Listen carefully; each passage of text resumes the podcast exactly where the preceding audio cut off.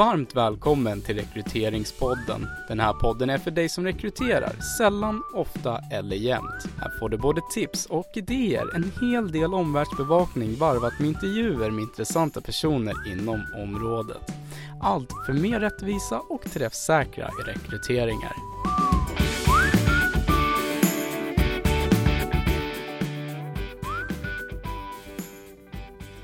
Hej och välkomna till eh, Rekryteringspodden. Jag heter Anki Stavarfelt. Och jag heter Josefin Malmer. Ja, och idag så ska vi prata om intervjuer Mm. och intervjufrågor. Mm. Det är ju någonting som erfarenhetsmässigt, så när vi är ute och utbildar chefer, Mm. så är ju det någonting som de ofta är väldigt nyfikna på.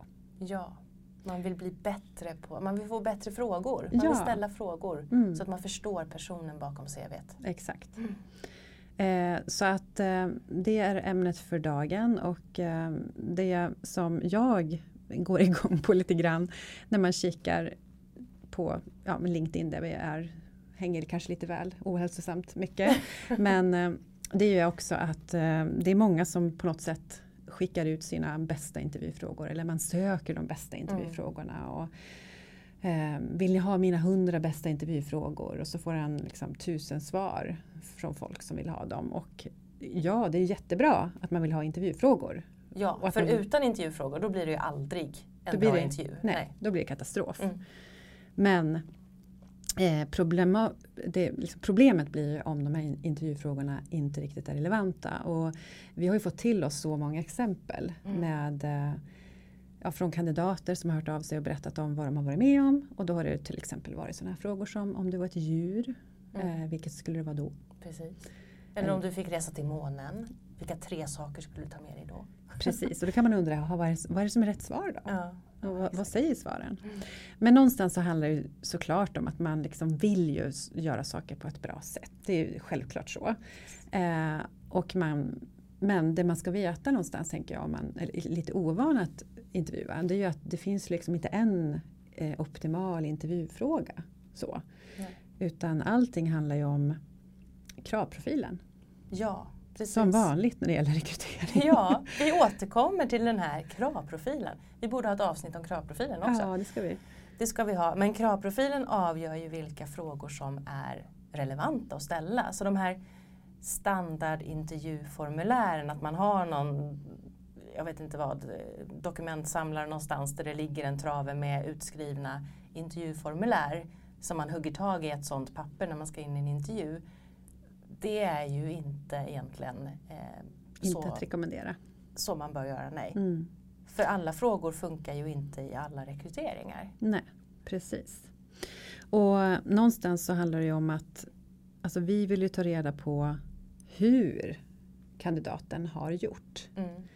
Att kandidaten har gjort det, det kan vi ju utläsa eh, i kanske urvalsfrågor eller LinkedIn-profil eller vad man nu har Mm, för någonting. Mm. Och det är oftast därför de sitter där. För de, Ja. har, de har gjort det som vi tycker är Nödvändigt för tjänsten. Nödvändigt, Ja. ja. Men vi behöver ta reda på mer. Eh, och eh, det ska vi då göra under intervjun. Eh, en fråga som jag tror att alla har ställt. som jag brukar säga är den sämsta första frågan. mm. Det är ju den här berätta lite om dig själv. Ja, men då ska jag berätta lite här. Jag eh, heter Josefin, jag är 36 år gammal. Bor i Nacka. Eh, två barn har Ja. jag. Ja, Och var du också i Nacka? Ja. Vad härligt, då kanske vi hoppar på samma dagis. ja Järla. Järla. Ja, Ja. precis. Alltså nu bor ju jag inte på riktigt i Nacka men ni förstår, frågan är väldigt bred. Olika kandidater väljer att svara på den på olika sätt. Mm, Eh, ganska vanligt att man faktiskt ändå går in på privatlivet. Och det är ju inte fel för frågan är ju för bred. Mm. Problemet är ju att vi ofta hamnar i den här eh, intervjufällan av att lika gilla lika. Till Mm. exempel. Mm. Att man känner igen sig och tycker att det här känns bekant och så Mm. vidare. Eh, så att eh, berätta lite om dig själv är en fråga som vi faktiskt inte ska börja med. Nej. Utan den behöver vara mer specifik. Eh, Det kan ju vara att du berättar om dina viktigaste arbetsuppgifter till exempel. Eller Ja, något liknande. Exakt. Berätta om Eller varför jag sitter här, vad det är Ja, som gör exakt, att jag har exakt. blivit intresserad. Ja. Men du, om vi ska titta på, eh, vi, har ju, vi kan ju prata om intervjusituationen på, ur många olika aspekter. Mm. tänker jag. Men om man går in just ännu mer på vilka frågor som är bra. Mm. Sen så kanske vi får ta ett annat avsnitt med liksom intervjustruktur och alla sådana saker. Mm. Men om vi ska prata mer kring, okej, okay, men hur ska man då få fram det här?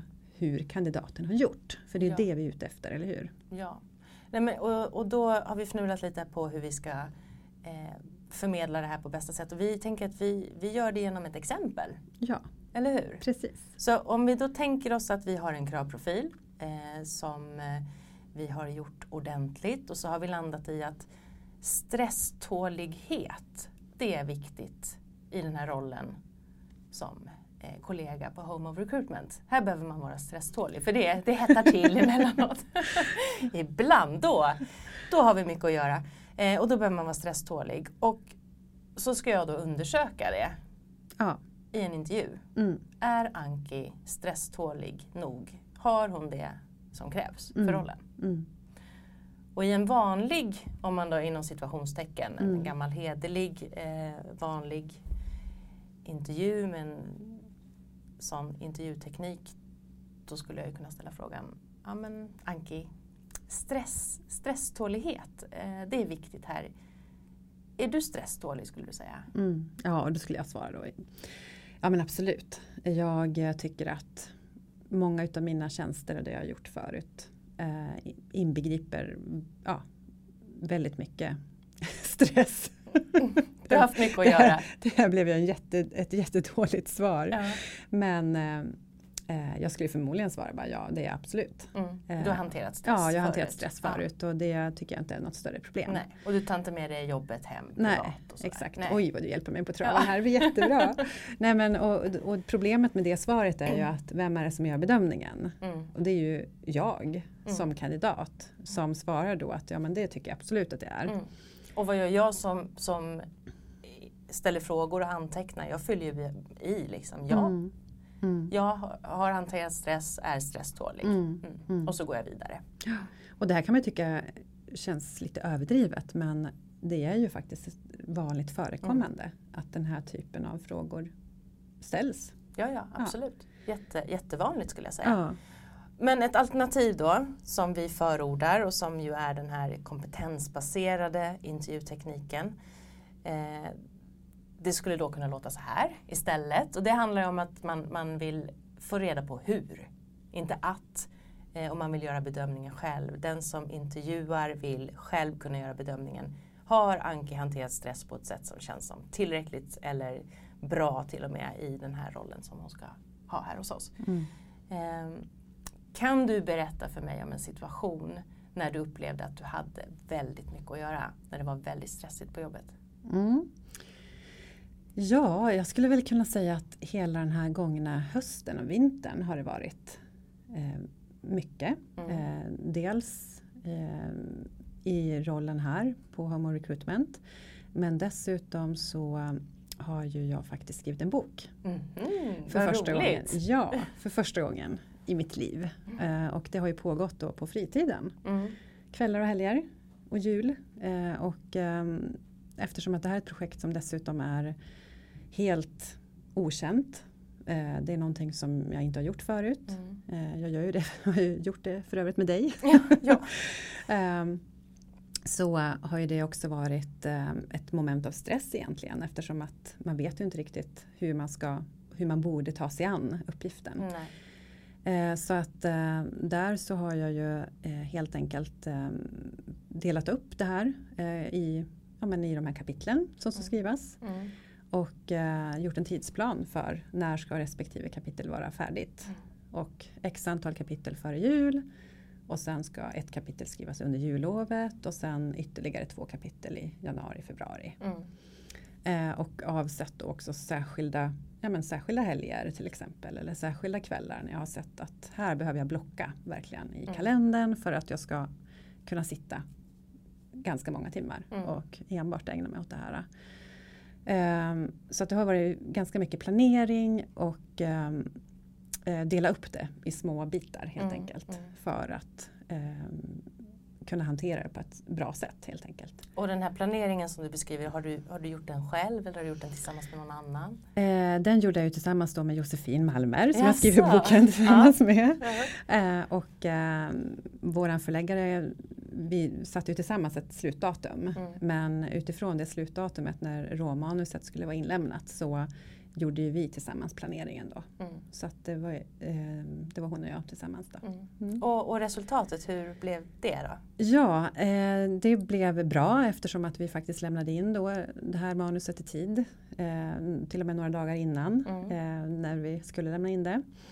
Och eh, jag upplevde även att vi inte var Alltså vi hade inte den här paniken på slutet. Bra, det här är ju ett exempel på en, en kompetensbaserad fråga där man ber om en situation och sen ber man om att få konkreta exempel på hur personen faktiskt gjorde. Och därefter ställer man en avslutande fråga kring hur blev resultatet. Och då får ju jag nu höra att Anki har tillsammans med Josefin då Mm. och utifrån eh, den här eh, deadlinen eh, brutit ner det här stora eh, målet i delmål. Det blev ju också ganska mycket svar på struktur, Mm. hur pass mycket struktur eh, du har i ditt arbetssätt. Men jag antar utifrån svaret också att det är ett sätt att hantera stress på att faktiskt jobba med strukturen Mm. på olika sätt. Mm. Så då kan jag bedöma, verkar det vara någonting som skulle funka? Och sen Precis. kan jag med fördel ställa en till fråga om samma område. Såklart. Exakt. Mm. Fråga efter ytterligare ett exempel på Mm. en annan situation. Mm. Mm. Och det här är ju hela tiden det den här intervjutekniken handlar om. Att prata om saker som faktiskt har hänt. Mm. Och sen ställa följdfrågor till att man förstår hur kandidaten agerade i den här situationen. Eh, och det här funkar ju med fördel både vad gäller de här mer personliga kompetenserna som i det här fallet stresstålig då. Mm. Men även vad gäller de här mer formella kompetenserna som till exempel att ja, men du kanske ska kunna Excel på en ganska avancerad nivå. Mm. Eller ett visst system. Och då kan du ju börja fråga när använder du det här systemet senast och på vilket sätt och Mm. etc. Mm. Och ställa följdfrågor så att man förstår det. Eh, så att eh, det här är ju det, eh, den tekniken som vi ser fungerar Mm. eh, och som är väl beprövad. Det är inte Mm. bara du och jag som använder Nej, nej, nej, precis. Det är inte bara en spaning vi har gjort Nej. utan det är ju Den är väl beprövad. Mm, mm. Det är ju kompetensbaserad intervjuteknik helt Mm. enkelt. och strukturerad. Det- Det är ju Exakt. nyckelordet att man faktiskt är strukturerad i det här. Man är semistrukturerad för att man går igenom samma typ av frågor med alla kandidater men följdfrågorna blir ju beroende på vad kandidaten väljer för situation och hur han eller hon beskriver det såklart. Exakt. Mm. Och struktur rent generellt är ju extremt viktigt när vi rekryterar. Mm. Eh, hela vägen. Men inte minst i intervjusituationen. Att vi faktiskt använder, som du säger, samma intervjuformulär för samma kandidater i samma rekryteringsprocess. Mm. Mm. Däremot för en annan roll ska vi använda en annan, Ja, ett annat formulär. mm. precis. Eh, för att eh, då kan vi jämföra kandidaterna mot kravprofilen på ett bra sätt. Mm. Och vi har inte fått en massa berätta om dig själv information. En massa blaj Eh, som vi inte vet vad vi ska göra med egentligen. Exakt. Hur ska vi bedöma det? Att någon bor i Nacka och har två barn, Ja. alltså, hur ska vi bedöma ja, det? Exakt. Och det, ja, det här med att eh, det finns mycket vi kan gå in på när det Mm. gäller intervjuteknik och vi ska, Hålla i oss. vi ska hålla i oss. Men eh, rent generellt så bara så allmänt vägledning är ju verkligen att fundera, ifrågasätt varje fråga i intervjuformuläret. Alltså vad är det som du eftersöker? Finns det här, finns det liksom en grund i kravprofilen för den här frågan? Eller är det en fråga som du bara tycker, ja men den är väl bra. Mm. Det är min favoritfråga. Ja, Den har man ju hört också. Det här är min favoritfråga. det Den ställer jag alltid på slutet. exakt. Och de kan du lika gärna strunta i. Mm. Så att eh, man ska inte göra det så krångligt. Nej. Man ska inte hitta på de här konstiga frågorna sådär. Utan utgå från kravprofilen, jobba strukturerat och eh, ja, efterfråga konkreta exempel. Mm. Mm. Så. Bra. Och då måste man lyssna också. Annars blir det svårt. Bra, det kan vi avsluta med. Ja. Det brukar jag säga, det är faktiskt den viktigaste delen av intervjutekniken. Ja. Det är ju att lyssna. Mm. Att lyssna på svaret och eh, att därefter kunna ställa följdfrågor. Mm. Mm. Bra, Då tror jag vi var klara. det var vi. För idag i varje Mm. fall. Tack för att du lyssnade. Tack så mycket. Hej då!